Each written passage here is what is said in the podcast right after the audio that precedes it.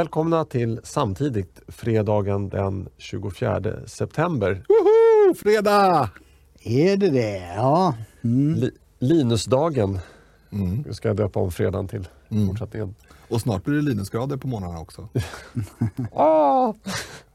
Alltså du måste, du måste ha någon form av Göteborgsgen. Jag tror dig. att det är en hjärnskada bara. Ja, Okej, så kan det också vara. Mm. Mm. Eh, ja, jag heter Erik Dahlin, jag är programledare. Och med mig har jag Linus Bylund från Sverigedemokraterna, välkommen. Tack. Och Dick Eriksson från Samtiden, välkommen. Tackar. Idag ska vi prata om något som först tror jag togs upp i Bulletin. Eh, Den som inte har en prenumeration där ännu för övrigt bör inskaffa en sådan. eh, För att det är... Erik har aktier i Bulletin. Nej, det, det, det kan jag faktiskt starkt dementera att jag har. Eh, Jag skulle säga att vi har två ämnen. Så att, eh, Ja, mm, precis. mm. Eh, men, men lite kort om Bulletin först. Jag tycker att det är ju i princip den enda mediesatsningen som är bra i Sverige. Som, Säger du det till Dick? Utanför... ja, men som, inte har få, som inte har fått den här alternativmediestämpeln. Mm. Alltså, jag, jag hatar att säga det men, men eh, många har ju fått den, den här stämpeln. Liksom, eh, inte för att det är, liksom, är förtjänat men eh, all, ta Nyheter Idag till exempel. Mm. Det, är en, alltså det enda anledningen till att, att den har en, en stämpel av alternativmedia att man ser på det som en alternativmedia tror jag är att var Kent Ekeroth som reggade namnet. Alltså vad... Ja, sen har du ju Jean Frick. Ja, jo, han är, jo, ja, det är, men det är så här, och samtiden, men det, man hör inte det så mycket längre. Men det var ju väldigt mycket prat om, ja det där är alternativmedia, det är Sverigedemokraterna som... Och det, det, det skulle jag säga också, Bulletin är ju inte heller finansierat av ett parti. Nej, det är en kommersiell Ja. mediesatsning. Så kan du skilja ut det. Ja, Mm. precis. Eh, och, och det är ju fria tider också. Men fria tider kommer ju alltid, alltså det kommer ta många, många år för dem att komma in i finrummet om man säger så, om de ens kommer göra Mm. det. Även Samnytt, hur bra reportage de än gör, så kommer de alltid ha den här alternativmediestämpeln. Ja, Ja, det, det, beror ju på vad säger mottagaren. Om man låter det bara ha negativ laddning. Mm. Jo, jag vet, men jag, jag, jag, jag tycker även bulletin, jag tycker att det är, eh, vad ska jag säga, om man nu vill lämna någon av de större tidningarna eh, och, och, och låt säga att man har liksom haft, om man har haft Svenska Dagbladet för att man gillar att läsa ledarsidan och, och sådär och sen så har man då, precis som jag, upptäckt att de har ju fullständigt spårat ur. Då tycker jag Bulletin är jättebra. Alltså, för, Och, och, och sen säga, att dina texter på samtiden, de kan man ju läsa helt gratis. De är gratis. Ja, Ja. Så att där behöver man inte teckna en prenumeration. Men om Dick, om du någonsin skulle lägga dina texter bakom betalvägg, då är det självklart att det är de man skulle läsa i första hand. Jag tror Eh, att du är äldre än jag. Mm. Eh, Alltså du är ju inte det. nej. Men alltså jag vet inte. Jag tror, inte att, jag tror att du är den yngsta personen på jordklotet som har en tidning på det sättet som du liksom... Var- Varför ska man ha det? Nej, men alltså tidning och tidning, man, vill ju, ibland vill man ju läsa material bakom betalvägg. Ja, jag känner oftast inte någon väldigt stark lust till det, nej. Alltså, jag, jag, jag säger så här, jag, jag önskar Bulletin eh, all lycka och framgång, men jag skulle inte ha satsat på skriven media själv om jag var entreprenör eller initiativtagare till någonting, utan då skulle jag ha satsat på andra format. Jag, jag kan inte riktigt se när alla tidningar, ko- konventionella eh, mainstream-tidningar går på knä för att folk vill inte läsa längre eh, i lika hög utsträckning och folk är inte be- beredda att betala för, för läsning. Då startar man någon sorts eh, textbaserad, eh, jag, jag tror att det blir svårt. Ja, men det, det är inte, jag, jag, jag har inte uppmanat våra lyssnare och tittare att köpa aktier i Bulletin. Nej, inte jag- det, utan jag, jag tycker att man kan stödja, istället för att köpa ytterligare en eh, prenumeration eller att man öppnar upp en betalvägg på till exempel Expressen eller, eller eh, om det nu må vara Svenska Dagbladet eller för den delen Samnytt. Alltså istället för att man köper en, en vad säger man, eh, premium, premiumabonnemang Mm på en sån tidning, då, då tycker jag att man borde fundera på eh, att eh, göra det på Bulletin. För del, dels håller texterna väldigt hög kvalitet tycker jag. Eh, och sen är det ett väldigt lovvärt initiativ. Sen om, Jo, det är det. Men eh, Linus var inne på att det är få som vill läsa överhuvudtaget numera. Det är, tyvärr verkar det ju vara åt det hållet det går, vilket jag tycker är tragiskt. Jo, men, men vänta, du får lägga till också parametern att det finns utmärkta skribenter som gör sitt innehåll alldeles gratis. Till exempel Dick Eriksson. Ja, för läsarna är det gratis. Ja. Förstår du vad jag menar? Ja, ja. Alltså, Det är det jag inte riktigt förstår. Alltså, nu, jag är ju väldigt eh, partisk. Eller eh, par- partisk, biased, vad heter det på, på svenska?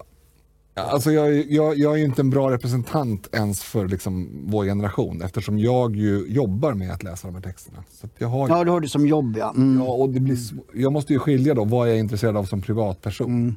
Och då är det väldigt svalt intresse, men det kan ju vara för att det är mitt jobb. Teoretiskt. Mm. Eh, så att, så att du, kanske, du kanske är en, kanske i framkant här. Det kanske är jag som är mossig. Nej, men alltså, jag, någonting som du har återkommit till väldigt ofta i podden och som du dessutom tog upp eh, när vi skulle ta upp varsin hjärtefråga Mm. i det avsnittet.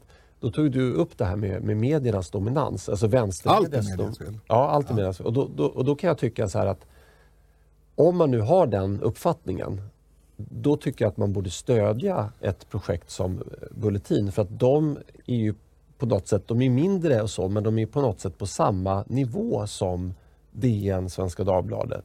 Ja, eh, du har en poäng. Men min främsta kritik mot svensk media är ju inte tyckartexterna. Kolumner och ledare och, och så. Men de har ju en nyhetsredaktion Jag vet, också. Det, jag vet. nyheten vi tar upp nu, den är ju från Jag vet, Bulletin. jag vet, jag vet. Ja. Men, men huvudfokus är längre texter, eh, djuplodande och liksom så. Och det som är problem med svensk media är primärt det här snabba.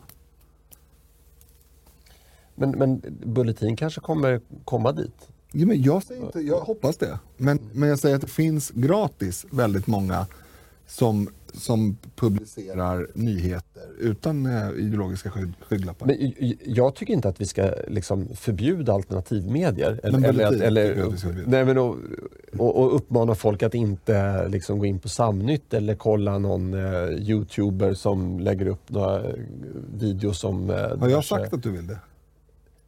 Nej, utan, men, men du använder det som argument för att man inte ska teckna medlemskap på Bulletin. Eller för Ja, men man ska ju såklart göra det om man tycker att det är värt det. Jag bara, jag bara gjorde en reflektion över att jag inte riktigt förstår den här satsningen. Men jag, jag tycker inte bara att man ska tänka att det är värt det. Vi, vi kan ju ta kyrkoskatten till exempel. Där betalar ju de som har ett arbete och en okej lön betalar ju som flera tusen kronor om året. Eh, är det värt det? Nej. Nej, det är det inte. Men man är kvar ändå därför att man gillar att promenera på sin lokala kyrkogård kanske och man kanske Får man gillar inte göra det? Jo, men, nej, men här, man, man kan inte bara tänka så. Nej, man måste liksom så här, vill man ta del av någonting och vill man, vill man trycka samhället i, i rätt riktning, då måste man ju lägga sina pengar där. Och, eh, och det är ett argument till varför man kanske borde gå ur Svenska kyrkan också. För att man gillar inte den riktning de tar. Då kanske man ska ta bort sina pengar därifrån. Då får Eh, man inte rösta i kyrkovalet. Nej, jag vet. Och det är avvägningar. Men, men jag tycker så här, om man, nu, om man nu har kritik mot svensk media eh, och, och tycker att den är vänstervriden och så, då, då tycker jag att man borde sponsra sådana här initiativ som är helt kommersiellt. De kommer nu få pressstöd eh, om ett tag, läste jag. De har sådana prenumerationsskaror. Ja. Ja, för att eh, precis, de har ju 10 000 prenumeranter ungefär. Då. Eh, och, eh, och, och där är också, de har ju direkt det, det var ju väldigt dyrköpta prenumeranter för att de, de dammsög ju hela liksom, eh, Sveriges ledarsidor på eh, talanger. Ja, just det. Mm. Eh, så det var ju väldigt dyrköpt. Nu, nu har de ju kvar kanske en tredjedel av dem som de man köpte från början. Bland annat Per Gudmundsson som jag tycker är helt suverän. Ja, men där var det någon som sa Mm. att det kanske gjorde liksom eh, konservatismen och den sunda eh, samhällsdebatten en otjänst att samla alla dem under ett samma tak och under betalvägg. Om folk inte uppskattar det de gör. Alltså det är det jag menar. Man, man måste nu, vi har en brytpunkt här. Alltså, Bulletin, de, de har ju behov av fler prenumeranter. Så Ja, det. alltså det, det, som kanske saknas där det, det är att de skulle behöva något ordentligt skop. Det vi ska prata om nu är ju ett litet sånt men, men eh, man, de kanske skulle behöva lite större för att visa sin ehm, plats i medielandskapet. Absolut. Alltså jag, jag, men, jag, jag inledde ju med att säga att jag önskar Bulletin väl. Så att, bara så att vi har det som till protokollet. Jag, har in, jag tycker inte att Bulletin är dåligt. Jag bara in, inte riktigt... Eh, jag vill inte sitta här om tio år och, och se inspelningar på när jag säger att det här kommer att gå jättebra. Och så har det inte gjort det. Nej, alltså det, det är ju det är ett nystartat företag så att eh, jag, jag kommer inte, alltså jag har ingen aning om hur, hur de eh, överlevnaden ser ut för dem. Liksom. Eh, men jag, jag, om, om, om man absolut liksom inte kan avvara 500 kronor eller vad det kostar att teckna en korttidsprenumeration, då, då ska man inte göra det. Liksom. Men, men om man vill Ja, den här podden lyssnar man ju gratis på. Till exempel. Det är ju en del poddar som ligger bakom betalvägg. Ja, ja. Och, och om man tycker då att eh, man vill ge till den här podden men inte kan det, eh, då kan man i alla fall ta en tredjedel, i och med att jag utgör en tredjedel av den. och så kan man lägga det på en, på en bulletinprenumeration. Ja. Jag tycker att det är väldigt lovvärt men det är väl det nya Eh, landskapet också, så du har ju en poäng. Alltså, jag har aldrig betalat för en podd. Eh, men jag har några gånger varit sugen, eh, såklart. Men jag har aldrig gjort det. Och jag är ändå ganska okej med deg, eh, trots alla barn. Eh, men det, det, det är för stor utgift för mig att betala för en podd, känner jag. Eller eh, så, kan man inte säga, men jag prioriterar andra saker. Eh, jag tror att, ehm, jag vet inte. Ja, nej men det är så här, jag, jag betalar eh, en dollar per avsnitt till eh, God ton. Mm. Eh, och det kanske inte gör någon jättestor skillnad i deras plånbok. Det vet jag att det inte gör, för de har väldigt många såna här Patreons. Men jag tycker att det, var, det är en väldigt bra podd och jag, det, det är liksom på något sätt att jag vill skicka en uppmuntran till dem att fortsätta med det här. Och, och det tycker jag också att man kan göra vad det gäller tryckt media, Mm. eh, även om det är tryckt på nätet. Eh, Ja. Så det var en väldigt lång inledning, Ja. men, det kanske, men jag tyckte det var väldigt, väldigt intressant, eh, intressant eh, diskussion. Och, ehm, eh, jag hade förväntat mig att inte du skulle vara så negativ Linus. Jag skojar. Som ni märker så är eh, veckans eh, fredagsavsnitts första ämne det är bulletin. Tydligen. Eh, det var inte meningen. Nej, det var det inte. Men eh, nyheten kom därifrån eh, och eh, togs sedan upp utav Samtiden och då eh, var rubriken så här. Malmö domineras av dem med utländsk bakgrund. Mm. Berätta, Precis. hur, eh, vad, är, Jo, nej, men- vad är det för statistik som ligger bakom det det, det är ju, eh, de har grävt då i offentlig statistik så att de har fått fram att det är 58, 56 procent eh, av eh, Malmöborna som har en, minst en utlandsfödd förälder. Det är, då, det är då man brukar kalla sig med utländsk bakgrund. Då. Och eh, av de barn som föds så är det 58 procent som har en utländsk bakgrund i- föräldragenerationen. Så att det är ju eh, svensk, eh, svenska med etnisk bakgrund, är ju minoritet i Malmö. Och då är frågan, jag funderar om man skulle kunna ha någonting med är Malmö svenskt? Men det, jag kände att det var lite för provokativt och, och, och, och även en sån fråga kanske. Men det, det, det visar ju på en utveckling som är eh, Ja, vad ska man kalla det? alltså det den kommer ju innebära saker och ting. Och har redan inneburit saker och ting när det gäller eh, ja, samhörighet. Alltså det här med eh, gemensamma referenser och sådana här saker som ju då liberaler och vänsterfolk har väldigt svårt att förstå att de har någon betydelse. Men, men det, ska man vara i ett samhälle och man ska betala pengar till, i skatt för, som man vet det kommer att gå till personer som man inte har en aning om vilka de är, men de finns i samma eh, samhälle. då bör man ju ändå känna någon typ av gemenskap med dem. Att, att man inte har eh, ja, som gated community, liksom, att varje eh, gruppering har ett eh, egna kvarter som eh, bevakar dem då så att inte någon från något annat mm. kvarter kommer in på området och så vidare. Varför i herrans namn ska jag då betala någon skatt till någon annan för? Mm. Om, om, jag försöker skydda mig från att de kommer in på, på, på vårt eh, klanområde. Eh, och vi har ju sett i Mellanöstern att klansamhällen är primitiva samhällen som inte åstadkommer någon utveckling överhuvudtaget utan som präglas av våld och elände. Vill vi ha det i Sverige? Jag, jag, jag har så svårt att förstå de här människorna som driver på det som, ja Fredrik Reinfeldt är ju alltid ett, ett sånt bra exempel eh, om att liksom eh, allt som inte är svenskt är färgstarkt och glatt och positivt mm. och eh, vad heter det, utvecklande. Men det svenska är det inte. Och jag, jag, om man tittar då sakligt på historien så ser man att Sverige har inte varit i krig på mer än 200 år. Vi har gått från att vara ett fattigt, jäkligt fattigt eh, bondeland till att vara ett ledande industriland på 100 år med en utbyggd välfärd, enorm trygghet, väldigt låg brottslighet eh, utvecklad sjukvård så att medellivslängden höjs kraftigt. Alla de här sakerna tycker jag är ganska positiva. Ja, ganska, det där är ju också en sån där svensk grej man, man skriver. Det är ju fruktansvärt positivt, ja, det är också fel ord. galet. Galet, galet precis, ja, precis. Och detta ser alltså dagens politikergenerationer och gamla partierna ner på. Mm. Utan de tycker då Mellanöstern är vårt ideal och det har vi nu då infört i Malmö. Och det blir, det blir, jag tycker det blir mer påtagligt när man ser de här siffrorna på Malmö att det, det är verklighet nu. Det är verklighet nu. Mm. Och det tycker jag ger anledning till lite reflektion. Eh, får jag säga en sak? Jag tänker Kanske. så här, om man är ett kompisgäng och så kan, man kanske är så 15 år i snitt. Några lite yngre, några lite äldre.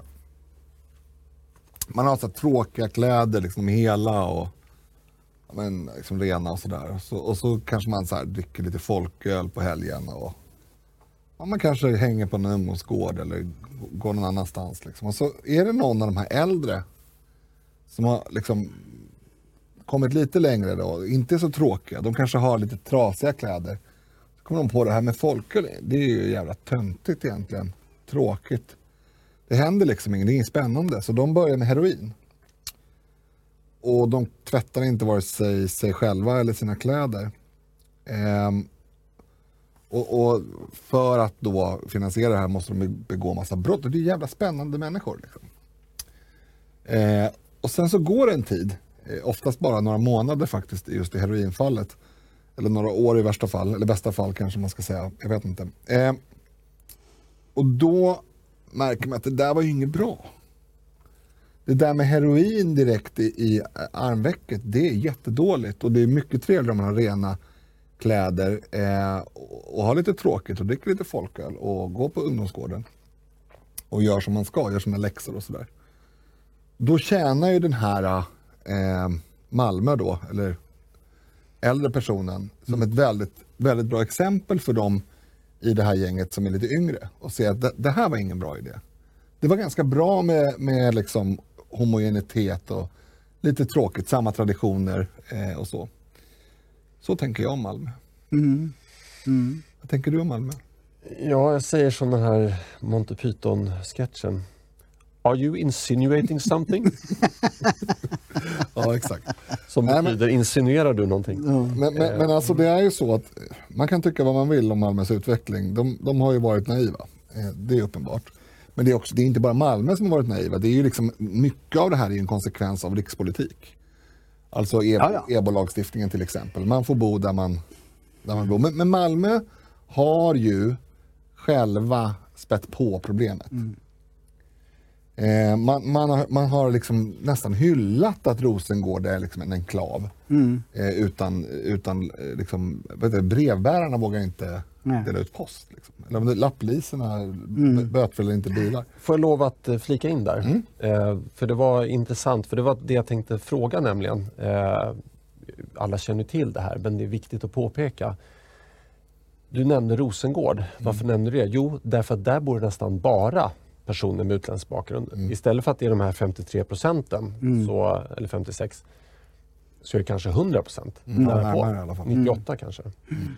Eh, och eh, då tänker ju en som är bevandrad inom matematik att ja, men då måste det finnas andra områden där det ser precis tvärtom ut. Och det gör det. Mm.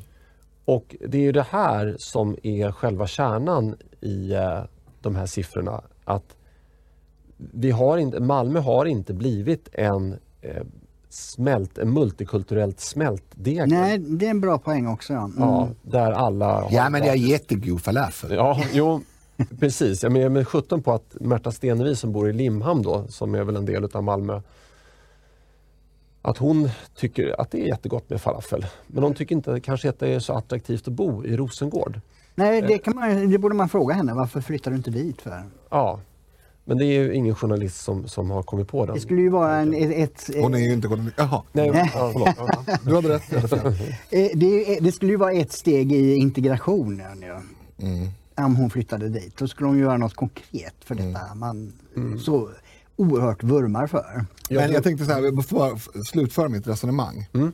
Därför att oavsett vad man tycker om den här pundande eh, äldre killen. Så, så rent objektivt så är han inte framgångsrik. Eftersom han betalar inte sina egna räkningar. Det gör Socialstyrelsen, socialtjänsten på ja. orten. För han har inte råd, för han pundar och slösar bort alla pengar. Han gör inte någonting vettigt överhuvudtaget. Han knarkar och beter sig illa mot folk. Det är vad han gör. Eh, han kostar en massa pengar. Så att han är ett jättedåligt exempel även om man eh, tycker att det är lite kul med smutsiga kläder och trasiga kläder och sådär. Och varför säger jag det här då? Jo, för att om man ser på Malmö som någon sorts förvarning för hur det kan bli, då kanske man tänker så här. Många som har varit i Malmö tycker ju om staden. Många som bor där tycker ju om staden. Eh, och det är inte så konstigt. Eh, det sistnämnda alltså är inte konstigt. Man tycker ju alltid om det ställe man har växt upp på på något sätt. Eh, men, men det finns många som, som eh, besöker Malmö och tycker det är så härligt. Jag själv har lite svårt för det, därför att jag har varit i Malmö många, massa gånger, men ja, det är väl en, det, det, är inte, det är inte en pina. Det är inte, det är inte som att vara i helvetet, men det är absolut inget som sticker ut åt det positiva hållet heller. Inte ens falafeln måste jag säga. Jag har ätit godare falafel på andra ställen. Så att jag, jag, jag, jag förstår inte riktigt det, men det, det är en parentes. Det är en smakfråga. Eh, men det är en smakfråga. Det du var inne på förut var ju vi- viktiga däremot att han inte gör, gör rätt för sig. Ja, det var det jag skulle komma Ja. till. Att Malmö, om Malmö är en föraning för vad som komma skall i andra orter, då är det ett jäkligt dåligt exempel, även om man tycker om falafel. Mm, precis. Det, Därför, de, därför att de bär inte sig själva. nej, det, de har ju mer än 6 miljarder i, som det heter, kommunal skatteutjämning. Alltså, Och de säljer också sin egen mark. Just det, Eh, för, Kommunen äger mark som de hela tiden styckar av och säljer. Precis, precis. För att hålla liksom, och det, det förstår ju vem som helst att det finns inte oändligt med mark att sälja. Nej. Utan det är ju, det är ju som att eh, som, den här killen då som, som är förebild i gänget, eller var förebild innan han började knarka för mycket. Han kanske har jättemycket pengar också, men, men han måste hela tiden ta av dem. Eh, och till slut Ja. tar det slut. Och då blir det, ju, då blir det ju som, återigen som i Mellanöstern. Liksom, att, Ja. att det, det, det, det, det är bara misär och elände.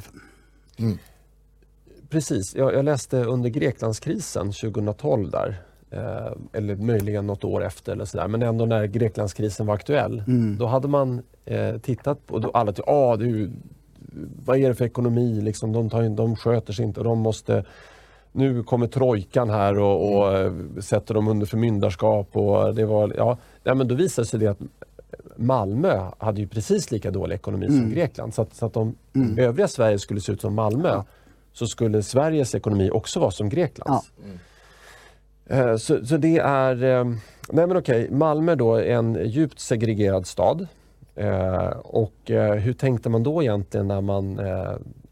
Alltså, är det det man menar med mul- eh, mångkultur. Ja, Att- exakt. Att, ja, Vi borde ju, det är ju en idé faktiskt, att, att eh, i valrörelsen, man pratar ju om, om eh, skyltfönster, kommuner som skyltfönster för olika partier. Här, här borde ju faktiskt Malmö få bli skyltfönster åt sossarnas eh, politik. Ja, och Moderaternas eh, före, före detta politik. För det är ju faktiskt inte bara sossarna som har skapat Malmö, utan det är ju även Reinfeldt och andra före honom. Eh, så är det. Jag vill bara ha till protokollet att jag tycker inte illa om Malmö. Jag förstår bara inte. Eh, jag, jag har svårt att referera till det här eh, vurmen för Malmö som vissa har. Eh, jag kan inte riktigt förstå det. Det är inte, en, det är inte en på något sätt eh, dålig stad eh, på, liksom, som stad betraktat. Det, sk- det skulle kunna vara en väldigt bra stad. Men, men jag ser inte det här eh, wowet. Nej. Nej, men jag, jag har vänner och, och kanske mer bekanta som bor i Malmö. Som, jag har väl frågat någon av dem eh, för något år sedan. Sådär, men hur, hur är det att, att bo i Malmö? För, ja, man läser ju rätt mycket. Men då bodde han i eh, jag tror jag Västra hamnen heter det. Tror jag. Det är så här ny eh, exploaterat område. Nej men vi märker ingenting här. Alltså det, det, det, det är nästan Inte kvart- än skulle jag vilja Ja, nej precis. Men det är så kvartersspecifikt. Ja, liksom. ja, mm. Och det...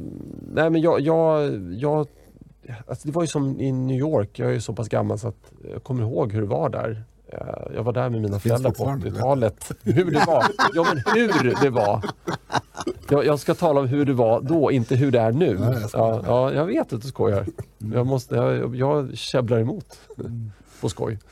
Ja, nej, men i alla fall, eh, det, det var ju liksom eh, så att ja, nej, men går, går ni från hotellet och till teatern här, det, det är inga problem. Det är hur säkert som helst. Men tar ni en taxi upp till Harlem, ja, det, det, då ska ni vara glada om ni kommer hem levande ungefär. Och, och det där som, som svensk då på 80-talet och, och liten grabb, eh, man tyckte det var jättekonstigt. Ja. Liksom, att det finns delar av en stad som är jättesäkra Mm. och så andra delar som är väldigt osäkra. Ja, vi är där nu. Ja. nu. Nu är vi där. Mm. Ehm, och eh, då är frågan, Varför det är så bra. ja, Majoriteten av partier i Sverige tycker ju detta är bra. De Ja. tycker det är bra. Och de har väljare som röstar på dem ändå. ja, Det är det som jag tycker är den stora gåtan. Ja, Att det här är det man ser som sin framtids idealbild. Liksom. Men Jag tror många väljare inte förstår, tyvärr. Tyvärr inte eh, så många debattörer och journalister heller. Men de allra flesta svenskar, de, de tycker ju, alltså även, även svenskar med, med bakgrund i andra länder, eh, i alla fall välanpassade sådana, tycker ju liksom att det här systemet som har byggts upp i det här landet, där vi betalar otroliga mängder skatt, men också har liksom gratis sjukvård och bla bla bla. Eller ja, det har fungerat ganska bra tidigare i alla fall att det är någonting bra och ganska, till och med självklart tycker många svenskar. Men, men sen tar det stopp i analysen och den här analysen ser vi väldigt sällan tyvärr i, i mediala eh, sammanhang, alltså opinionsbildarsammanhang. Alltså, den bygger på en mycket stor kulturell homogenitet. Ja. Sen kan man säga etnisk homogenitet om man vill. Eh, det spelar egentligen ingen roll, för det är ju den kulturella homogeniteten som är intressant. Eh, skulle, skulle de här människorna med, med utländsk bakgrund i Malmö eh, vara välintegrerade och ha ett jobb och, och vara svenska i, i liksom, sitt beteende i allmänhet så skulle det här inte vara något problem överhuvudtaget. Eh, bara för att göra den poängen, att det är faktiskt skillnad. Men eh, vår välfärdsmodell bygger på att människor ser de allra flesta andra i samhället som sin nästa. Därför att det finns inte någon, alltså det här är ju väldigt långa, långsamma processer. Det här med benägenhet att betala skatt, Ja. skatt och sådär. Men, men eh, det kommer antagligen ganska snart ett politiskt alternativ där, där man säger att vi ska inte ha någon skatt. Vi ska inte ha någon välfärd. Vi ska, ha, vi ska betala för våra egna saker och vi ska skita i alla andra. Därför att det här funkar inte. Ja, nej, men det, det, är, man, är man för välfärd, eh, generell, generell solidariskt finansierad välfärd via skattesedeln, då måste man vara emot mångkultur, mångkulturalism. Det, man kan absolut inte vara för båda. Nej. Det är, som att, det, det är som att säga att badvattnet det ska vara iskallt och så ska det vara jättevarmt. Det Nej, går men- inte. Precis. Nej, men nyckelordet här är, är tillit. Mm. Alltså det, det, är, och det har ju många eh, internationella statsvetare också visat på att liksom ett samhälle med, med hög tillit kan också ha hög skatt och höga gemensamma eh, angelägenheter. Och, eh, Eh, det, det, som har varit eh, Sverige och Nordens lycka då är att samtidigt som man tagit de här höga skatterna så har man också haft politiker som har tagit sin uppgift på allvar och inte stoppat pengarna i egen ficka mm. som det sker i de flesta andra länder. Mm. Därför, eh, och eh, förutsättningen för detta är just tilliten mm. och att man då just ser, ser sin, som sin nästa. och, och, och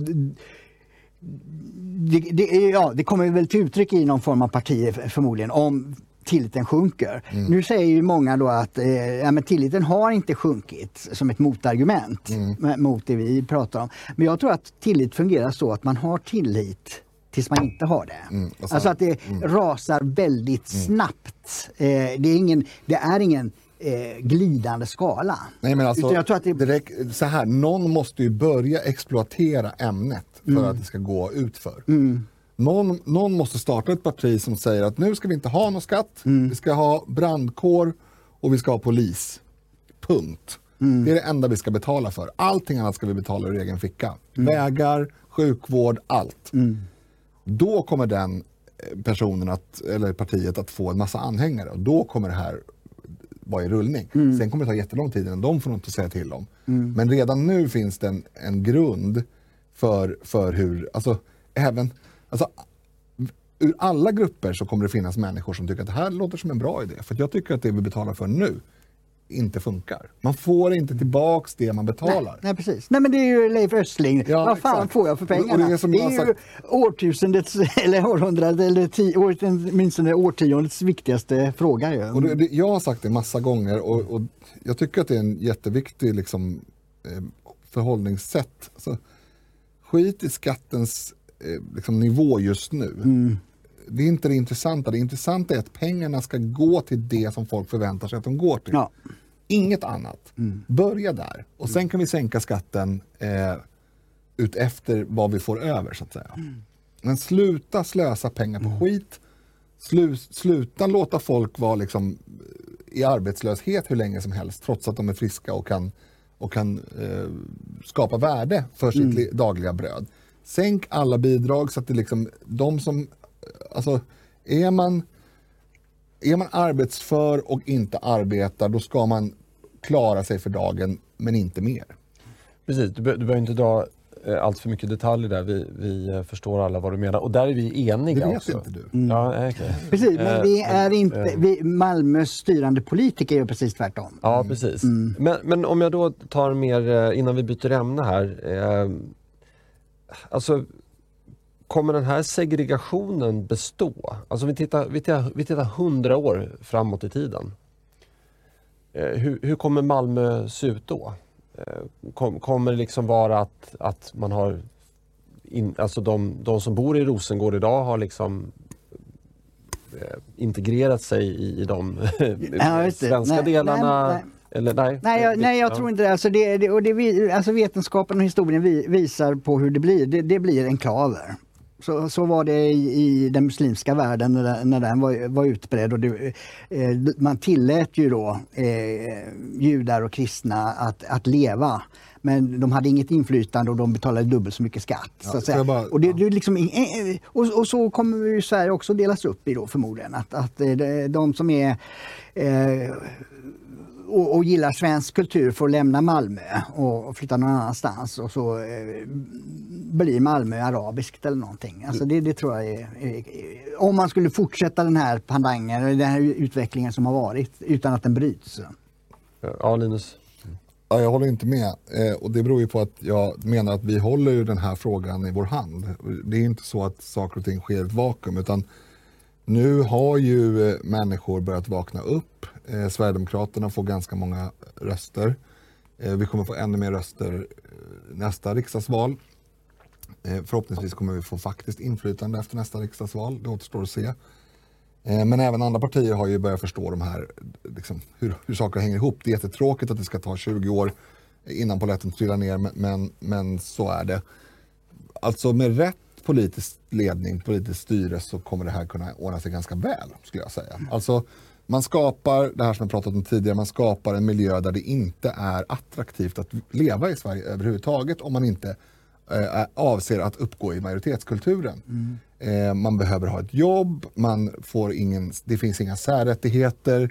Eh, ja, alla de sakerna som gör att, alltså, bara en sån sak som brottsbekämpning. Mm. Alltså, det finns ju naturligtvis väldigt många i de här, eh, i, i Rosengård till exempel, som har sitt levebröd, eh, sin utkomst i, i kriminalitet. Mm. Det ska inte vara möjligt att ha det. Alltså, bara sådana liksom, mm.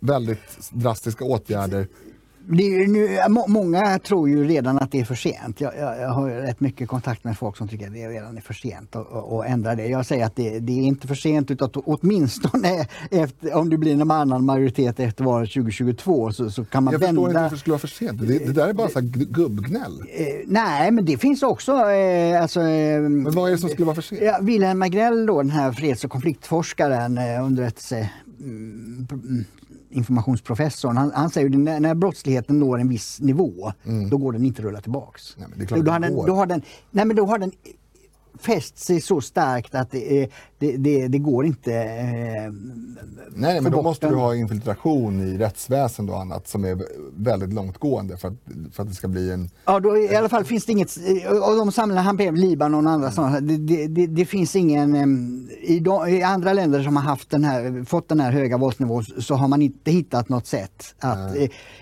staten är så försvagad att även om det blir en majoritet som vill göra någonting åt det så är staten för svag i förhållande till eh, den, den våldskapacitet som kriminaliteten har skaffat sig. Fast det är ju väldigt långt dit för Sveriges del. Ja, det, det, det, det är det jag också säger. Att, att Staten, att inklusive mm, naturligtvis mm. Eh, Försvarsmakten, mm. är ju starkare än kriminaliteten eh, faktor men, men, 100, men, faktor 1000. Precis, men, men det, det hänger på att det måste bli en annan majoritet snart. För nu har du poliser som går ner på knä för rasister mm. i BLM. De har, de, de, de har ju inte rätt direktiv.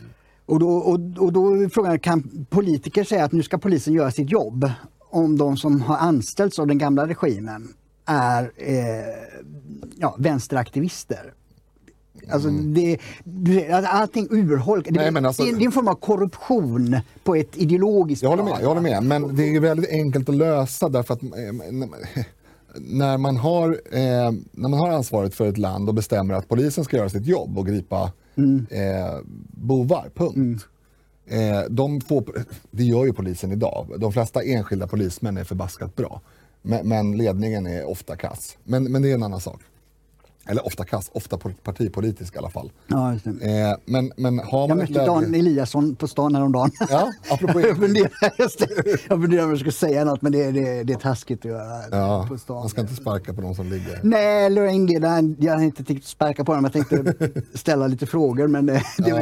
jag tänkte nej det är fel tillfälle. Välkom, välkomna honom till podden. Ja just det, nej, det skulle men, jag Men gjort. poängen är ju såklart att om, om du gör tydligt att den polisman eller kvinna som, mm. som håller på med såna här här fasoner mm. får sparken på, utan, något, utan liksom diskussion. Den Då, knäböjande. knäböjande. Vi har kommit in på väldigt många sidospår här. Men nu, nu, ja. prat, nu... Men är... Jag tror att alla, alla ja. lyssnare och tittare förstår. Ja, men det var knäböjande polisen som mm. skulle få sparken. Jo, för, för ja. det, det, nej, men det här är viktigt för att eh, det handlar inte bara om, om eh, eh vissa kvarter och så, det, det som händer i Malmö. Utan den nya situation infiltrerar ju alla organisationer som finns mm. i Malmö. Och det är det jag menar med knäböjande poliser. Alltså du, om, om du får eh, poliser som har den åsikten som stödjer det, den utveckling som är, då hjälper det inte om du en, får en annan ledning.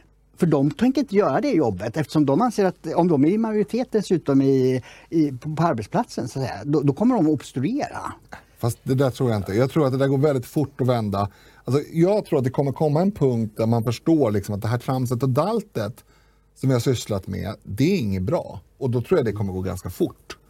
Eh, även hos enskilda. Dessutom så vill jag fortfarande hävda att på polismansnivå så är, har man ganska sunda värderingar. Man ser verkligheten. Och alla poliser jag har pratat med, och det är ganska många genom åren, har en god verklighetsuppfattning och, och eh, rimliga liksom, eh, åtgärdsförslag. Men hur ser du på polisfacket som förbjuder SD-engagemang i poliskåren? Ja, nej, det, Alltså, de, det de det är jag ju i infiltration. Ja. Det är en form av infiltra- infiltration som är odemokratisk som sker inom Mm. poliskåren. Och får du då en, eh, en SD-ledning, vad är det som säger att inte det polisfacket obstruerar mot Men allt de det en ny Det kan regering de gör? säkert göra. Men då får man ju sparka de poliser som inte gör sitt jobb. Det är ju ganska enkelt. Alltså, Jo, det, ska man ju alltid göra. Och, men, men frågan är, liksom, finns Ja, I botten finns det eh, folkliga förtroendet att göra det. Men, men, Men jag tror inte att, jag tror inte att polismännens agerande, bara, den här knäböjande kvinnan, det är ett exempel. Ja, det är precis. Det, En, väldigt, en avart. Mm, det, nej, men det, det gäller naturligtvis eh, socialkontoret i ännu högre grad, det är tjänstemännen där, Skatteverket, Kronofogden, alla dessa. Varför driver man inte in eh, parkeringsböter i vissa stadsdelar? Ja, men Alltså, tjänstemannaansvaret allt- måste ju återinföras och, och, omedelbart. Men du ser, alltså, det, det jag är ute efter är att jag tror att vi som svenskar är naiva till vår natur för vi vill tro på att de offentliga institutionerna fungerar Mm. så som lagen och demokratin har sagt att de ska göra. Mm. Men jag tror, och det är de flesta som jag pratar med som är eh, pessimister, Mm. de menar att eh, den här korruptionen är redan så utbredd att det, de är förstörda de här organisationerna. Mm. Det, går, det hjälper inte med en ny majoritet utan de kommer att verka för Malmöutvecklingen ändå. Jag är helt övertygad om att det inte är så. Jag är helt övertygad om att till exempel en sån sak som att som, eh, media kommer ju vända kappan efter vinden eh, direkt. Som de alltid gör. Eftersom de är, de är ju de är in, intresserade av att, att vara trendiga och sälja lösnummer. Eh, och, och vi kommer se en utveckling där, där det går ganska snabbt. Eh, alltså inte, inte snabbt i riktiga livet-termer, för det är ju utan i polit- politiska termer. Det vill säga, det kommer, det kommer ta eh, kanske ett par mandatperioder innan vi har en, liksom, en annan syn på saker och ting. Eh, men det beror ju på vad, vi- vad, vad Sverigedemokraterna får för inflytande. Och eh, hur vissa andra partier, Ja. eh, vad de orkar och vågar göra. Och, och, och, vet, och vet ni vad? Det, det här var inte riktigt min fråga. Det är intressant att, att prata om men min, min fråga var, gällde egentligen bara segregationen. Alltså visst, sen, sen kan man ju se det att Rosengård är mer kriminellt belastat, man har lägre skattekraft och, och allt sånt. Men, men om vi bara tittar på var kommer människor att bo framöver? Och jag, det, men där har du redan svarat Dick, att segregationen kommer att bestå. Det kan man ju titta i USA. Nu har du pratat så... Ja, men jag ska svara om det. ja, visst. Eh, Okej, men eh, flika in där. Eh, med rätt politik så kommer segregationen att lösa sig själv. Därför att Vad, kan du ge ett exempel Ja, någonstans annan, på något Jag kan ge ett exempel som sker idag. Människor, människor i Rosengård eller andra ställen i Malmö där det bor väldigt mycket invandrare som faktiskt eh, gör sig ett liv i Sverige. Skaffar sig ett arbete, får en respektabel liksom, livssituation. Zlatan till exempel. Flyttar väldigt ofta ifrån. Alltså titta på, det var en reportage där om, om kranskommunerna där. Det var inte alls bara svenska familjer som flyttade till en villa i Staff, Staffanstorp. Det, det, det är inte sant. Eh, utan det är människor som har ett arbete, som gör rätt för sig, som har en inkomst, som har en familj, som vill ha ett tryggt liv. De flyttar också från de här segregerade områdena när de kan. Och då menar jag, vänta, då menar jag att med rätt politik, där den som inte gör rätt för sig, där den som är kriminell eller lever på bidrag, helt enkelt vid en tidpunkt känner att nej, det här landet är inte något bra att vara i. Eh, och, och flyttar någon annanstans.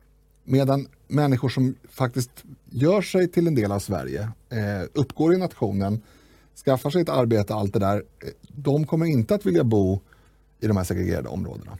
Fast då är ju de Och svenskar. jag menar inte att, ja, och jag menar inte att, att segregationen inte kommer bestå. Jag tror att den, med rätt politik kommer den att av sig själv mildras. Inte, inte att den inte består. Precis. Det, det, det var en formulering i, i bulletinartikeln där som jag inte riktigt eh, förstod vad de menar med. Men det, du, du ger ju där en förklaring. Det, för, eh, den här statistikern, eller vem det nu var de hade intervjuat, sa att ja, inflyttningen eh, till Malmö av de med in, eh, invandrarbakgrund är lite drygt en tredjedel och utflyttningen är lite mindre än en tredjedel. Och då tänkte jag, flyttar folk folk med invandrarbakgrund från Malmö. Mm, de. Och det, det är den typen av människor då som gör... eh, det, blir, det blir en kulturell segregation som är ännu större. ja, just det. Men det blir ju ingen etnisk då, segregation. Så det är en annan än den du tänkte på kanske. Nej, men jag, jag tänker ju så här att eh, alltså, om man tittar på USA till exempel. Det är självklart så att det bor afroamerikaner i vita för välbärgade områden. Mm. Eh, Men det betyder ju inte att USA är jättesegregerat. Och, och eh, även om liksom Zlatan Ibra- Ibrahimovic, Du menar att det inte betyder att det inte är det? Eller vadå? eh, sa jag fel nu? Nej, men alltså, du det, glömde det, den dubbla negationen. Ja. Ja, just det. Mm. alltså, Och glömde men jag USA, eh, USA är ju jättesegregerat i alla fall. Mm, ja. Eh, Och, och eh, alltså, den här fotbollsspelaren då, eh, som of- ofta har tagits för in, som inteckning för, tillsammans då med att kebab är gott, Mm. för att vi ska ha en fortsatt hög invandring. Mm. Han har ju då lyckats och flyttat ifrån Rosengård. Ja. Men det betyder ju inte att Rosengård eh, eh, alltjämt är supersegregerat från till exempel eh, Limhamn. Nej, men du Eh. frågade mig om, eller du frågade oss om det här kommer bestå eller om det kommer, om det kommer bli värre och sådär. Det kan inte bli mycket värre än 100 procent. Nej, men, men du, du, du, du menar att i takt med att eh, vissa då eh, eh, lyckade eh, personer Mm. boende i Rosengård flyttar ut så kommer du flytta in, vilka då? Ja, det kommer finnas lediga lägenheter.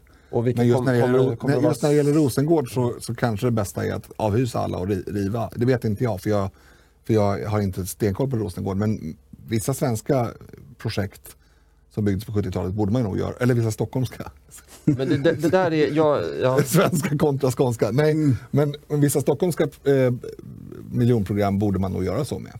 Därför att det finns liksom inte det finns ingen utsikt för att de här Nej, de är- hemska områdena... De är, de är byggda för segregation. Ja, men det är vänta, vänta. sossarna, arbetarrörelsen eh, byggde de här områdena för att de ville hålla arbetarklassen borta från medelklassen. Det, det, det är ju så tanken var. Men istället för arbetarklass så blir det eh, människor med invandrarbakgrund som hamnade i de områdena. alltså jag, jag, kan lova er, vi byter befolkning mellan Saltsjöbaden och Rinkeby.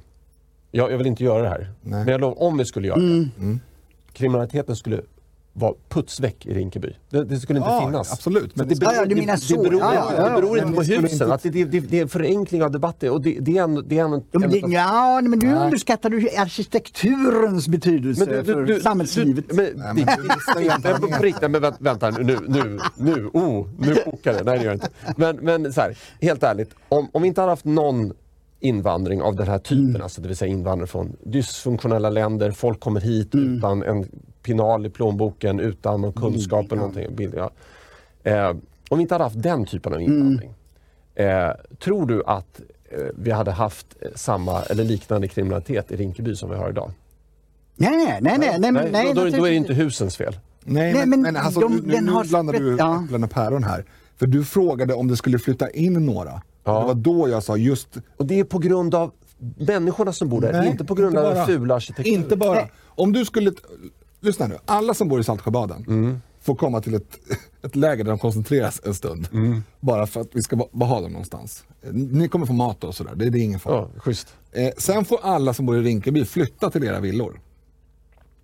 Sen får ni välja att bosätta er var ni vill i Sverige. Kommer ni flytta till de här tomma lägenheterna i Rinkeby?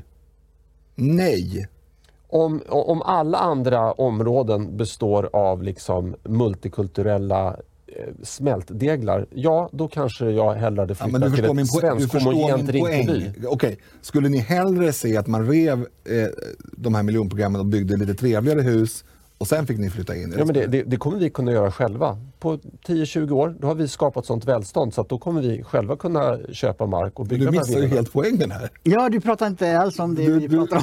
Nej, men det, det, Du frågade Det är mig. klart att de inte är attraktiva. Men så här, fr- fråga min, min, nu är min pappa död tyvärr, men fråga honom så här. Men vad, bodde du i en attraktiv lägenhet när du växte upp? Nej, det, vi hade inte Nej. värme. Vi hade liksom... Det, nu, alltså, Vi är helt överens. ja, ja, det ordet man ska saker. använda och kanske jag inte använder, det är ju att eh, de- det här, den här arkitekturen förstärker segregation. Ja. Det finns en när den, när, eh, precis som du säger, men den blir värre av den arkitektur so- som de här områdena eh, eh, uppmuntra, eller hur man nu ska uttrycka det, för, därför att de är byggda för att eh, en viss sorts människor skulle inte ha kontakt med en annan sort. Ja, men där är vi helt Ja. överens. Det förstärker, Bra. Mm, absolut. så. Ja. Men, men, men, det, det, det, är, inte en motivering till att driva det. Nu har du tjafsat om det här i 51 Ja, minuter. förlåt att jag Eh, någon gång öppnade munnen. Nu byter ja. vi ämne tycker jag.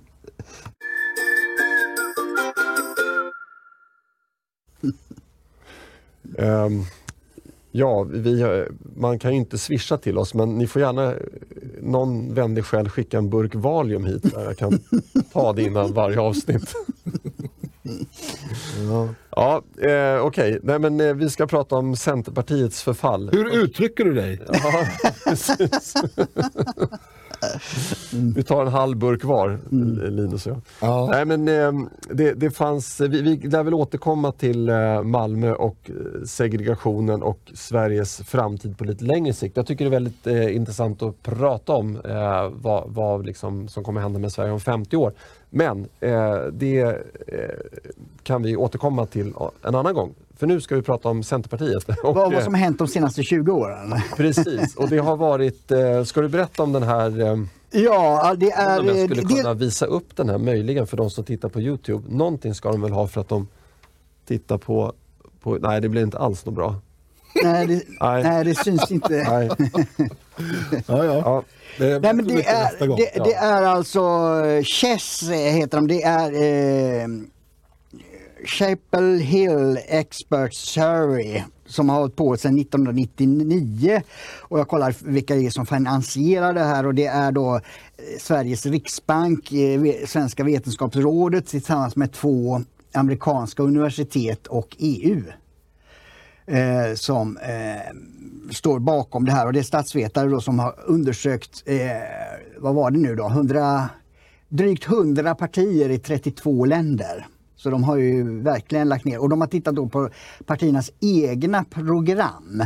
Och då rangordnat dem enligt höger-vänster-skalan och så enligt den skalan som de då har jag vet inte om de kom på den, om de har gjort eh, den vetenskaplig på det här sättet, Galtan-skalan då. Det, det jag vill säga är mellan Eh, och nu gillar inte folk det heller när man säger konservativ mot progressiv eller mot revolutionär eller utopistisk kanske är bä- bästa eh, eh, skillnaden. Jag, jag måste bara säga, Mm. nu, fick inte, nu fick ju inte tittarna se den här eminenta ehm, E- Eriks försök att, att visa upp den här gick ju eh, sådär. Mm. Eh, men jag förstår inte, för Galtanskalan är ju inte en vanlig graf och det här är det.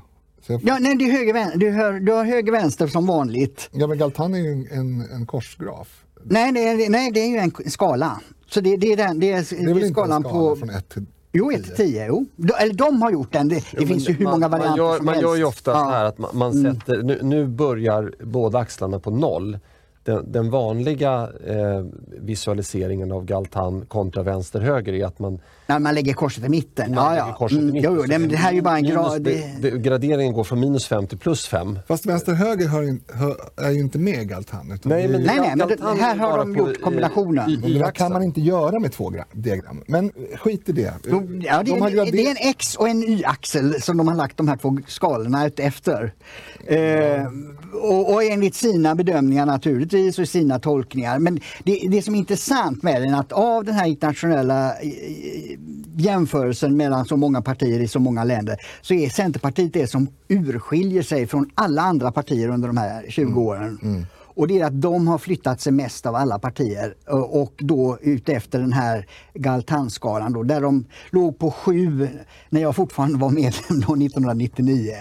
Eh, och, och tio är ju då mest konservativa så att säga och ett är mest eh, utopistiska. Så de flyttar sig från sju då på den, i mitten på den konservativa halvan ner till, vad är de nere i nu? De är nere på två.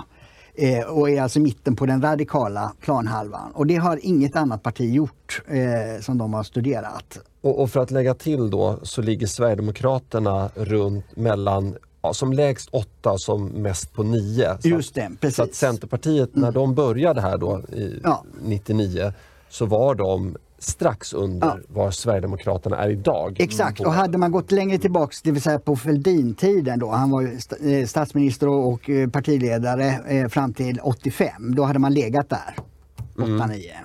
Så jag anser ju att jag har inte flyttat mig ett jävla smack. Nej, nej, nej, men jag håller helt med. Vi har, jag har också På den skalan jag har blivit... Ja. en bakgrund som röstare i, i Centerpartiet i alla fall. Men jag, Ja, jag är, lägga jag till är där. omgiven av centerpartister. Ja, Men vi, från 80-talet och 90-talet. Min, ja, det fru, är lite... Mm. min fru, jag har en bild på min fru med Annie Lööf. ja. okej. Alltså det, det, är en, det här är En en ko- konspiration mot mig personligen. Ja, förlåt. Ja, nej, men jag skulle bara lägga till där, det var lite roligt. Eh, det heter då Chapel Hill Expert Survey. Mm. Eh, Yes. ja, det, det kan ju låta som någon sorts så här skämtgrej eh, grej, för att Chapel Hill det är ju ett vin också. Ja. men det är inte, det är inte ett distrikt, något geografiskt område. Ja, Ja, det måste det vara. Det, Ja. det tror jag det är. Om men, det, men det, det var inte det. Men Nej, eh, nej. Det, det här är en seriös... Eh, Ja, ja, nej men det är det. Det, de som, eh, det, det här materialet är ju översatt till svenska utav valforskningsprogrammet vid Göteborgs universitet och de anser sig ju vara de, de eh, bästa eh, experterna på eh, politik. mm, Jag, jag, jag tycker att det här, det här är talande eh, och jag tycker att det är intressant hur Centerpartiet har rört sig. Mm. Men jag ger inte mycket från den här grafen. Och det, Nej, jag förstår vi, det. vi kan prata om det sen, men jag vill bara en sak vill jag ändå ta i själva Mm. podden. Varför ligger Sverigedemokraterna jättelångt till höger? Ja, det är också en sån där sak som jag. Det var därför jag sa med eh, reservationen att det är deras tolkningar. Vadå tolkningar? Alltså, vi kan inte ligga till höger om KD och M. Nej, det tycker Eh, inte jag heller. vil- men- Vilket vi gör i den här. Det är ju inte sant. Nej. Det är ju en vänsterextrem myt att vi skulle vara höger. Mm. Eh, tittar man på vår fördelningspolitik, vilket man rimligen borde, Mm. borde vara det man tittar på när man, när man gör en sån här, då skulle vi vara i mitten. Precis, och Centerpartiet har ju flyttat sig till höger men de är ju fortfarande till vänster om eh, Sverigedemokraterna. Ja, I det här materialet. Ja, så att det, men men, skitsamma. det är ju så, det, det är ju ett antal statsvetare och, och det, jag, när jag läste det att de har gått igenom då mer än 130 partiprogram i, i 30 länder så tänkte jag det, det är ingen lätt uppgift. Och dessutom är ju i textform. Mm. Och det ska då de ska då tolka det och översätta det till någon, någon siffra. Och, Så det är klart att det är väldigt mycket bedömning i det. Mm. Det är det väldigt mycket. Mm. Och, och jag kan förstå hur felet blir. Därför att om man har en, till exempel amerikansk eh, synvinkel på Mm. saker och ting. Då förstår man nog inte det här med, med fördelningspolitik, Nej. Mm. hur viktig den är. Utan man kanske tittar på hur ser man på familjen, hur ser man på försvaret och, och hur ser man på nationen. Ja, då blir vi jättehöger. Mm, precis. Ja, det är ju en tanngrej. Alltså jag tänker mer så här, det, det som möjligen placerar Sverigedemokraterna till höger på den ekonomiska skalan är ju till exempel att man vill skära ner på u-landsbiståndet. Det- Där, alltså där, där kan man ju inte säga att Moderaterna, just i den, nu, nu, nu håller du inte med mig här, då, då, då, då måste jag ha något starkare än Valium alltså. Det måste du i alla fall, så Ja. det är tyst på det Knockout-droppar. Ja. Nej men eh, precis, för att, så att det är möjligt att man har hittat några sådana enskilda eh, och, och, och viktar man dem, jag menar SD vill då skära, skära ner halva u-landsbiståndet direkt. Det är ju ganska höger. Eh, och om man ger den samma vikt som att dra ner barnbidraget till hälften, då, då kanske det kanske slår fel. Exakt, och det var, jag skulle Ja. precis säga det. Att om man tittar, om man tänker när man skjuter in ett gevär. Om man träffar, och alla kulor träffar ungefär samma område men långt ifrån mitten. Då skjuter man ju ganska bra men siktet är dåligt inställt. Ja, just det. Mm. Och det är samma här. Ja, det kan vara det. Alltså siktet är dåligt inställt men vi har ju en konsekvens. Mm, Ja, det, det, det som gör det intressant är förändringen. Exakt, Eh, och tittar man på Centerpartiet så är det ju, alltså har, man en våg som visar fel så spelar inte det så stor Nej, roll om man är exakt. ute efter om man går upp eller ner i vikt. Precis. Så, Vi- Så på det sättet så funkar så, det så ligger det, en, eh, tycker jag, i alla fall det finns inget bättre kan man ju säga också, eh, när det gäller att eh, bedöma det här. Och, och, och för mig personligen har det ju varit, eh, en, har det ju en viss betydelse när jag pratar med dem eh, i, i, min generation som var eh, som vi båda var, centerpartister, så anser jag att jag har inte ändrat mig, det är ni som har gjort det. och det är de här, eh, eh, det här materialet ger mig belägg för detta. Och, och, och jag, jag tycker ju att det är så. Eh, och eh, frågan är liksom var- vart det, vart det ska landa då. Eh, och och eh, jag tycker ju de, de, de här turerna med januariavtal och eh, allt det här eh, borde inte fungera. Liksom att, att man ägnar så mycket tid åt taktik och, och yta som det blir då. Till och med Vänsterpartiet är irriterade på Centerpartiet för att de håller på att tala mm. om vem som får prata med vem. Mm. Eh, liksom att Centerpartiet kan inte rösta på en S-budget om S har pratat med V. Nej. Oavsett vad innehållet är. Och samma sak, så, vi hade uppe det i podden förra veckan tror jag. Va? Att eh, Annie Lööf hade sagt att eh, man, man, kommer inte rösta på en M-budget oavsett innehåll. Nej. Och det, det, det, det, är ett konstigt sätt att förhålla sig till politik. Det är, det är väl ingenting som är viktigare än innehållet. Men det, men det är ju så att Centerpartiet lever ju nu, menar jag, i, i en bubbla. Mm. Alltså en, de har en uppblåst eh, opinionssiffra. Eh, mm. Därför att den, den, kan inte hålla. Därför att de attraherar eh, fjortistjejer i varierande, eh, av varierande kön och ålder ska jag säga. Men, men det, är det, de, det, är det, de, det är det de attraherar. Alltså det är yta, det är trams, det är retoriskt. menar, som det här som jag travesterade nyss mm. när jag skrek Hur uttrycker du dig? Om man före en debatt bestämmer vad man ska skrika vid ett mm. tillfälle och det är så uppenbart att mm det inte har att göra med vad personen säger utan man har bara bestämt sig för mm. du ska skrika. Hur uttrycker du dig? Mm. Ska inte Åkesson passa på att göra det innan hon hinner göra det nästa gång? Vadå? Fråga? Att äh, Åkesson säger, hur uttrycker du dig ja, till Annie Lööf? Men nu är det här, ja, Jimmy lyssnar i och för sig på den här podden så, att, så att han kanske får det tipset då. Slipper jag ta ett, ett special, specialmöte om det. Um, men, men um, jag tror att det här är uppblåst. Jag tror att benägenheten att säga att man röstar på, på Centerpartiet är större en benägenhet att rösta på Centerpartiet. Mm. Eh, jag tror att vi kommer få se opinionsundersökningar som visar mer än vad valresultatet sen kommer vara. Men, och det, men det är inte det stora, det är det lilla. Det, det, det, kan vara marginellt. Men jag tror att det här är inte hållbart på sikt. Centerpartiet är det parti eh, just nu som står mest i spagat. Mm. Alltså man har en fot eh, på ett tåg och det är, det är väljarna. Alltså Centerpartiets väljare står på ett tåg. Centerpartiets eh, aktiva mm. eh, står på ett annat tåg och de håller på att komma till en järnvägsknut och åka åt varsitt håll. Mm. Därför att man kan inte... Alltså de här eh, fjortistjejerna i varierande ålder och kön som man attraherar, eh, de kan inte, för, de kan in, man kan inte förhålla sig till dem hur länge som helst det måste man liksom, man, måste sluta med den här, det, mm. de attraheras ju av det som du har nämnt framförallt, mm. det här med högt tonläge, eh, säga att ni får inte prata med den och Jimmie Åkesson är jättedum. Ja, de är dumma framförallt. Ja. Det, är det. Eh, mm. Eh, det, det är ju liksom, de vill känna sig, de här, de här eh, fjortistjejerna i varierande ålder och kön, de vill känna sig goda och sådär. Eh, och de tycker att Annie Lööf är cool av någon väldigt, väldigt märklig anledning. Men, men det gör de. Eh, Medan de som arbetar i Centerpartiet, det är lite ett annat skrot och korn. Även om de är utbytta från så att säga, Fälldins tid så är de fortfarande politiker. De, har, de förstår vad, vad politik är, att man måste samarbeta och samtala, att, man, att en budget eh, och ett samhälle måste liksom, det, det, är en ekvation som måste gå ihop. Det går inte bara att önska och, och tycka en massa poserande saker hela tiden, utan man måste faktiskt göra ett, ett, ett eh, faktiskt arbete. Och det här kommer inte att hålla. Eh, det kommer inte att hålla, utan man måste välja ben. Och då kommer det kunna gå riktigt åt skogen, ungefär som mm. det har gjort för Liberalerna. Mm. Ja men verkligen. Och, och, och, den här illusionen av att de på något sätt skulle utgöra någon mitt i svensk politik. Och hörde ni vad Martin Ådahl sa när budgeten presenterades? Centerpartiet lutar åt mitten. så jag sa ECT, åt från vilket håll? men, men den mest uppenbara faktorn här det är ju, det är ju att alla, inom citationstecken alla, de allra flesta som är engagerade i Centerpartiet, de är ju genuint, inte hatiska, men de har en genuin skepsis gentemot Socialdemokraterna. Mm. Mm. De, de, med undantag möjligtvis för Annie Lööf så, så samregerar de eller stödjer en socialdemokratisk regering med en väldigt bitter och äcklig smak i munnen. Det, så är det bara. Centerpartister gillar inte sossar. Centerpartister ser sig som borgerliga. Men det här tycks inte väljarna veta om eller förstå.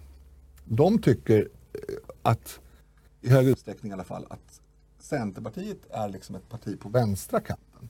Och det är svårt för människor i Centern att relatera till det och förstå det. Därför att det tycker inte de. Och det är det jag menar med den här spagaten. Mm. Ja, och, och eh, beteendet är, är, är, har ju också den, den, den tendensen för att eh, eh, hon lovade att rösta på eh, Ulf Kristersson som statsminister och sen röstade hon nej till honom, inte la ner sin röst. Alltså det, är det är fortfarande något jag förvånar mig väldigt över. Det, det, det beslutet. Och, och sen eh, nu så, så vill, verkar hon ju vilja ändå profilera sig som ett oppositionsparti mot socialdemokratin inför kommande val. Alltså, det finns liksom ingen trovärdighet i det. Nej, men mitten är ju hennes enda räddning. Ja. Det är därför hon säger så. Ja, och, och då blir frågan vad säger väljarna då? Eh, vad innebär en röst på Annie Lööfs Centerparti? Är det en röst till stöd för kommande socialdemokratiska partiledare eller någonting annat? Alltså, det uppstår ju en, precis den osäkerhet som har rått kring Liberalerna eh, ganska lång tid. Men alltså, för jag, jag måste bara återigen utreda det här med, med mitten. Alltså hade man på riktigt varit mitten så kanske man hade haft någon form av trovärdighet. Men då skulle man ju i Galtan-frågan, då skulle man ju ligga ungefär där Moderaterna ligger. De ligger ungefär runt fem. Mm. Då skulle man haft, då skulle man haft Moderaternas migrationspolitik, man skulle Ja, haft just det. Moderaternas syn på Ja. Mm. kultur och sådär. Och så vidare. Eh, men man ligger alltså På två tillsammans Ja. med Miljöpartiet. Ja, Miljöpartiet ligger strax under två. Centerpartiet ligger strax, strax över två. Så det, det är liksom, Lite mindre eh, utopiskt. ja, Men man ligger närmare Vänsterpartiet, då, för de, de ligger på två. Mm. Man, man ligger i samma härad som Miljöpartiet och Vänsterpartiet. Och om man anser att det är i mitten, Mm. då eh, har man ju en väldigt märklig självbild. Men de kanske Eh. tycker det därför att de har en extrem uppfattning eh, åt höger i vissa frågor. Eh, till exempel det här med värnskatten, eller extrem vet jag inte, men, men det, det, värderas ju som väldigt högt. Jag, jag kommer in på ekonomi. Ja, men jag menar, sen har de eh, extrem eh, liberal migrationspolitik. Jaha. Så att liksom ihop så blir det mitt. Ja, okej, du tänker så spretigt. Ja. Snittet blir mitten. Jo, men, för att, för att på, eh, men de är inte riktigt lika extrema på eh, den eh, ekonomiska vänster-högerskalan. Eh, eller vänster-högerskalan, det är inte bara ekonomi kanske. Men, eh, men där ligger man på en sjua. Så där ligger man ju då ungefär där Moderaterna låg för ett par år sedan. Moderaterna har rört sig lite längre till höger där. Eh, man ligger, ja, Liberalerna, det är ju ett annat Ja, det- så kallat mittenparti. Eh, nej förlåt, precis. Man, man ligger ungefär där, eh, där Moderaterna och Kristdemokraterna ligger på den skalan.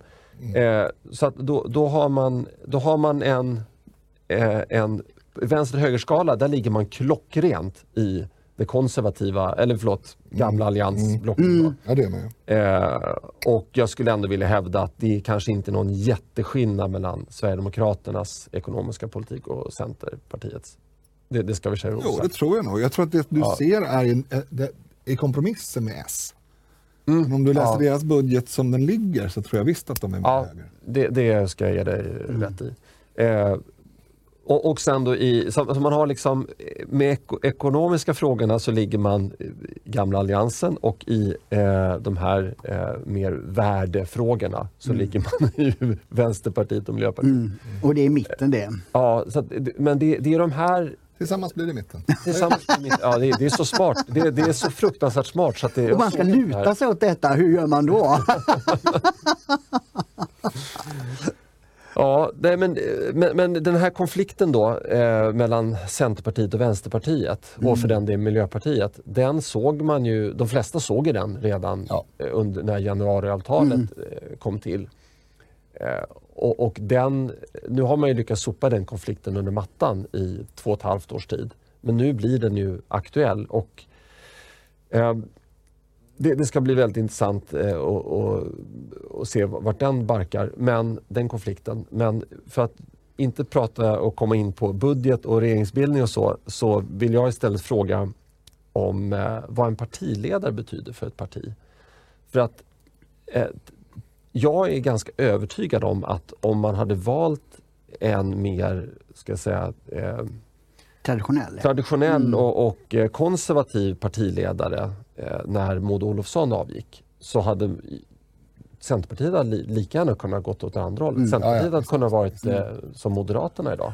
Precis. Jo, nej, men det, är, eh, Centerpartiet har ju alltid traditionellt, ja just det som Gunnar Hedlund sa, vad vill Centerpartiet? Vi har alltid velat, kommer alltid att vilja. Nej, det var inte så frågan löd. Men eh, eh, Centerpartiet har ju traditionellt ingen koppling till eh, liberalism, konservatism och, och socialism. Utan det, det, det är en bondetradition. A- Att, eh, som en del elaka summerade, fem öre mer för mjölken är, är Centerpartiets eh, ideologi. Och det ligger någonting i det, för det, är därför hon hela tiden ska förhandla. Eh, men det är inte för fem öre mer för mjölken utan det är för annat då som man har... Fem öre mindre för mjölk. Ja, just det. Håller på med. Så det, det, eh, och det finns, och det var ju då under, Fälldins tycker jag, väldigt fascinerande med, med liksom att en, eh, ja, då, för att använda ett ord, nedärvd eh, idétradition.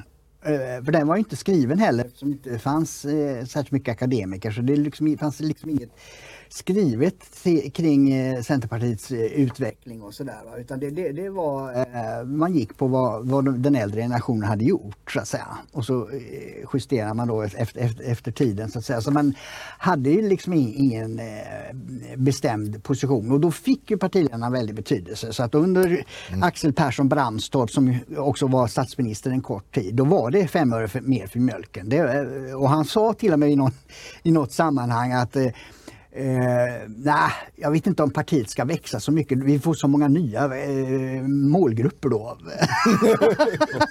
det var lättare att ha det med det 10 bönder. För det var ju Där kan man snacka enfrågeparti. Ja, ja precis. Fem öre mer för mjölken. Precis. Nej, men det, ja, och det fanns ju mer bönder då på 30-40-talet än vad det gör nu. Så att det, det fanns ju då en väljarskara och då tyckte han det är väl bättre att ha den, företräda den gruppen. Så han var väl lite mer eh, nästan som fackföreningsman kan man säga som politiker.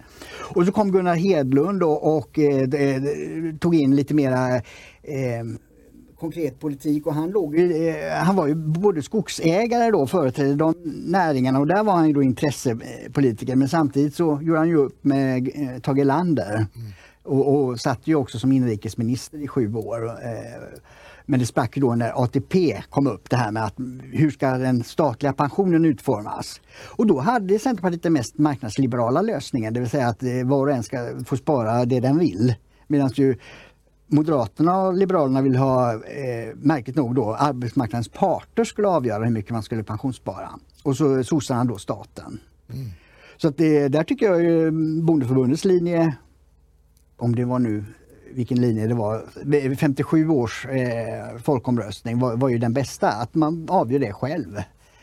Eh, och i och med det så bröt Den man... bästa, den mest höger i alla fall, den mest liberala. Precis, precis, så där finns ju den tendensen också då. Och så då blev man ju mer, eh, och med Hedlund så väx, började partiet växa då eftersom han ville gärna ha mera eh, bärgare. Så då blev ju mitten stor och med Fälldin blev det ju jättestort ju. Alltså, eh, valet 73 där, då hade ju Centern 25 och Liberalerna 12, Moderaterna 10 procent. Alltså då, då var det mitten som var stor på den icke-socialistiska sidan.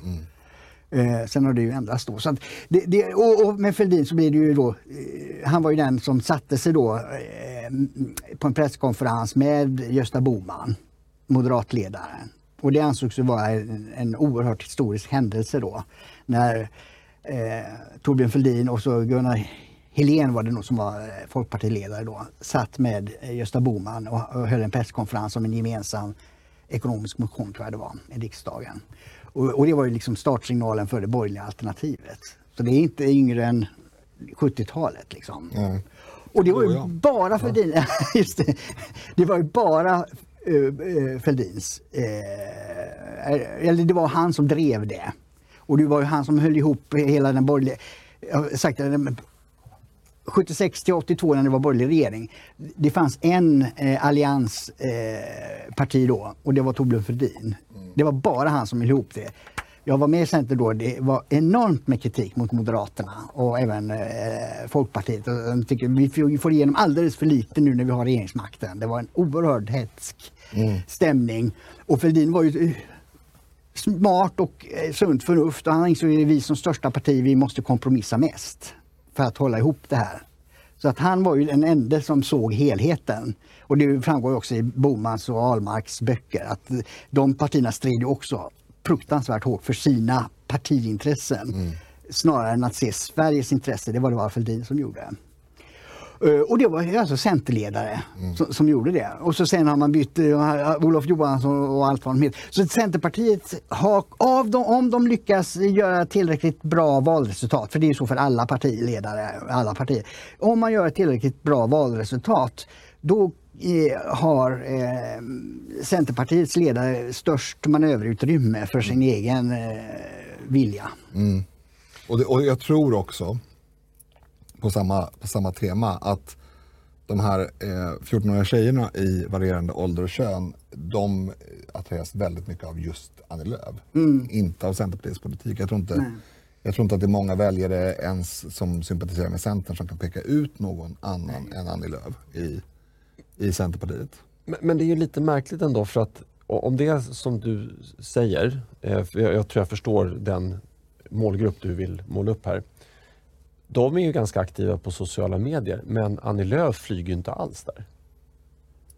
Nej, Instagram och Youtube. Och det behöver väl inte ja, men 14-åriga tjejer i varierande kön och ålder är väl ganska typiskt aktiva på sociala medier. Ja, vad om de, då? Nej, men om de tyckte att Annie Lööf var en stor stjärna skulle de ju följa henne och trycka en massa like. 13 000 eh, visningar på sina videos. Har de det numera? Ja. det, gick, det gick inte så bra i början. Nej, men 13 000 är inte jättebra. Nej. Jag menar bara att, och, och det, det är jätteraljant av mig att säga, det är klart att det finns en jättestor grupp centerpartister som är centerpartister för att de har varit det. Så funkar ju folk. Mm. Mm. Jag ja. röstar på men, Centern. Ja. Eh, så att det, jag menar den här rörliga gruppen som hon har attraherat nu. Inte, jag menar inte alla som röstar på Centerpartiet. Låt, låt mig... Uh för protokollet. Ja, precis. Mm. Eh, måla upp en frågeställning till då. Eh, jag, jag säger så här, jag, jag, tror att det är svårt att om, om en partiledare har fått liksom sätta sin prägel på ett parti så mycket som till exempel Annie Lööf eller Fredrik, Fredrik Reinfeldt har. Eller Jimmie Åkesson. Eller Jimmie Åkesson, ja absolut. Eh, då, då kommer den, eh, då, då, de som engagerar sig i ungdomsförbundet under den tiden kommer ju göra det eh, för att man gillar partiledaren. Mm. Mm, ja. Och om man då eh, ska se liksom framöver här, skulle Centerpartiet kunna vandra tillbaka på den här skalan så att de blev samma parti som de var för bara 20 år sedan? Mm. Eller kan, vi kan bara backa liksom 15 år, det var ju stor skillnad mm. där såklart, gigantisk skillnad.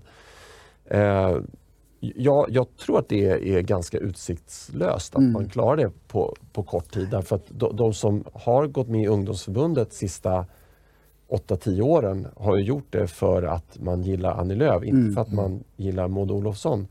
Eh, och då eh, har man eh, den, den, den, här typen av tankegods. Eh, och Moderaterna, deras problem är, är, ju, är ju nästan större då för att man har ju från partiledningen vilja, velat ändra sin politik tillbaka till lite mer konservativ. Mm. Ganska mycket mer När var man det senast då? 50-talet?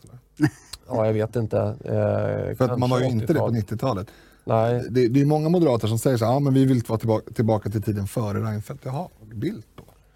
Hur konservativa Bildt? Men han, eh, Bo Lundgren, han var, han, han var helt okej okay, faktiskt. Men var, han höll ju på med höger-vänster-frågor. Jag kommer inte ihåg att han har gjort någonting om de här andra frågorna med kultur och... Jag vet att han tog upp i en partiledardebatt, jag tror att det måste varit 02. Mm. Eh, då tog han upp det här med, eh, hans grej var då att vi måste komma till rätta med kriminaliteten. Mm. Eh, han, han, beskrev något inbrott och hur det ah, skulle ja. vara. Eh, och, och det mm. var liksom, ja, såklart alla andra partiledare fnyste åt honom. Liksom, att nej, men det där var väl ingenting ja. ungefär. Ja, jag säger, ja. jag säger det till alla, ja, men Moderaterna behöver ju bara gå tillbaka till Gösta Bohman. Mm. För då, ja. då mm. var... Förlåt, då, då var han... Får jag bara säga en sak om skillnaden mellan Moderaterna och Centerpartiet ja. För jag förstår vad du är ute efter. Mm. Du har en lång period med en, med en eh, galen despot på, på tronen och då rek rekryterar du en viss sorts människor. Mm. Mm. Och, och du sprider en viss sorts tankegods i partiet. Jag tror att det är en stor skillnad mellan Moderaterna och Moderaterna under Reinfeldt och eh, Centerpartiet under Annie Lööf och det är att Centerpartiet under Annie Lööf, hon tycker så här. Hon är extremist i migrationsfrågor. Hon, hon skiter i Sverige. Hon är ointresserad av allt som har med, med det att göra överhuvudtaget. Medan Reinfeldt-falangen, inte Reinfeldt personligen nödvändigtvis, det vet inte jag, men, men partiet under Reinfeldt, de, de och det här har jag ganska liksom bra koll på efter väldigt många och långa samtal med väldigt många moderater genom åren. De bestämde sig för en linje snarare som var kommunikativ. Vi, vi lägger de här frågorna åt sidan. Vi tycker fortfarande att familjen är viktig. Men vi lägger det åt sidan. Vi tycker fortfarande att försvaret är viktigt. Vi lägger det åt sidan. Nu gör vi bara yta här. Tar vi slipsarna, tar vi pärlhalsbanden. Triangulering. Triangulering. Nu pratar vi om jobbskatteavdraget och hur folk ska få lite mer pengar i plånboken. Och vi är nya Moderaterna. Det är en helt annan sak än det Centerpartiet har genomgått. För Centerpartiet har ju genomgått en sorts kupp av Annie Lööf och hennes anhang. Men På riktigt. Ja, jag håller med. Icke desto mindre, om man då är i 14-årsåldern eh, och vill gå med i ett politiskt parti. I varierande ålder och kön. Ja, precis. Ja. eh, inte för allt för varierande ålder, för jag, jag tror inte att en 40-åring kan söka medlemskap i ett ungdomsförbund. Det tror jag när det gäller Centerpartiet. Ja, man, bara man identifierar sig som, som ung. Eh, men eh, då, då är det ju bara ytan man ser. Man, man ser ju inte de här frågorna som man för tillfället har lagt åt sidan. Nej. Eh, så, eh, nej men och det är, jag, jag, jag tror att det är, det är lättare att byta ut en partiledning än att byta ut en partikultur som kommer underifrån. För då, vilka ska man rekrytera till partiet sen? Eh, Ska man vända ungdomsförbundet ryggen? Ska man utesluta ungdomsförbundet? Ja, det kan man göra. Det finns ju partier som har gjort det Eh, med eh, lyckad utgång. Flera partier ska man säga, fast Ja, okej. då tidigare. Ja, nej, Både det- Moderaterna och sossarna har, har utslutit falanger. Okej. Ja.